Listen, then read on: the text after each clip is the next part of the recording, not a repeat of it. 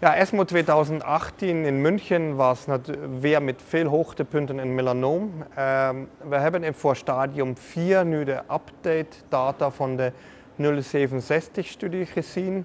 En we zien daar dat die combinatie van IPI plus NIVO, het blijft hetzelfde, 7% een kleine voordeel numerisch tegenover nivolumab alleen geeft. Wat interessant was bij deze is dat in de combinatie heel veel patiënten, 71% momenteel behandelingsvrij zijn. Dus dat ze die behandeling gehad hebben en nu eigenlijk alleen in vervolg zijn om te kijken hoe lang ze nu hopelijk ook progressievrij blijven. Dat is denk ik, kan als patiënten bijwerkingsvrij zouden zijn, een echte plus aan levenskwaliteit voor die patiënten zijn. Het tweede wat we gezien hebben, de eerste keer die data van de 511-studie. Hier is, zijn twee verschillende äh, schema's van IPI plus NIVO vergeleken. Eén keer het standaard regimen met 3 milligram IPI plus 1 milligram nivolumab. En dan dat flip schema met 1 milligram IPI plus 3 milligram NIVO.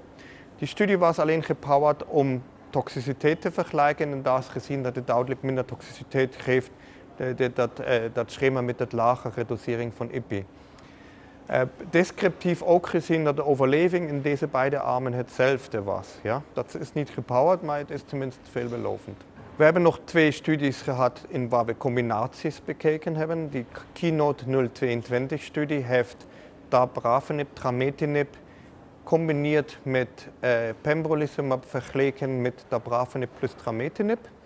En daar zien we dat het progressievrije overleven en het overall survival ietsje beter is. Ja? De progressievrije overleven is significant beter, maar net niet wat pre-specified uh, significatielevel was. Overall survival nog alleen een beetje, maar ook ten koste van veel toxiciteit.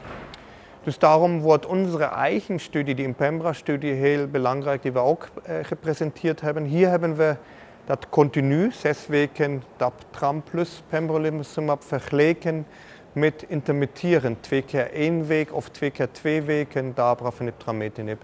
En wat wij zien is dat we duidelijk minder toxiciteit hebben. Ja? Eh, in deze continue combinatie hadden we 50% graad 3, 4 toxiciteit, maar tegen met het één keer, twee keer één week hadden we 14%, twee keer twee weken 33%. Eh, dus dat zijn nog vroege data. We hebben ook nog niet zo lange vervolg of dan solche äh, alternative, innovative combinatieschema's äh, misschien äh, even goed zijn. Tot nu van de overall response rate lijkt het dat wel te zijn. Ja? Dus in dat manier hebben we dan misschien echt äh, schlimmere schema's die, die veel beter verdragen worden.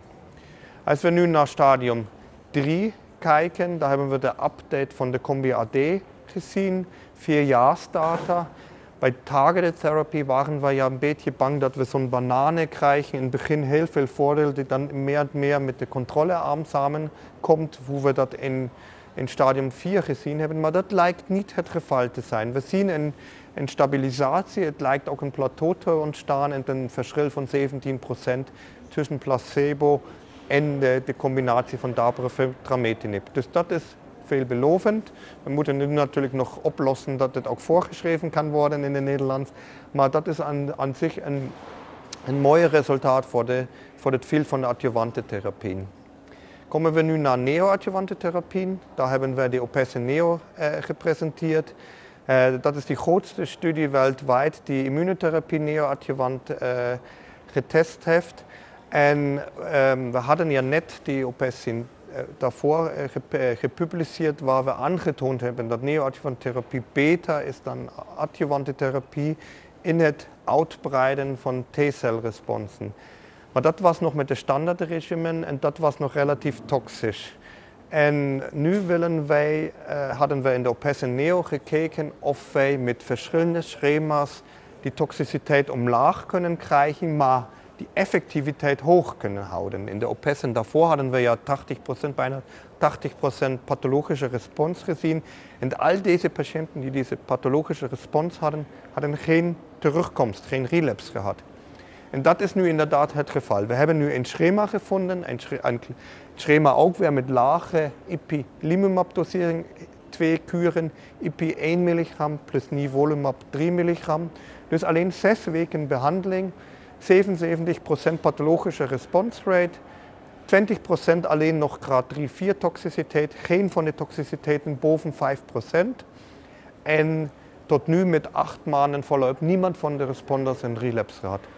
Dus als we dat nochmal in Zukunft misschien in een fase 3-studie bevestigen, dann haben wir ein Standardschema voor neoadjuvante behandeling gefunden.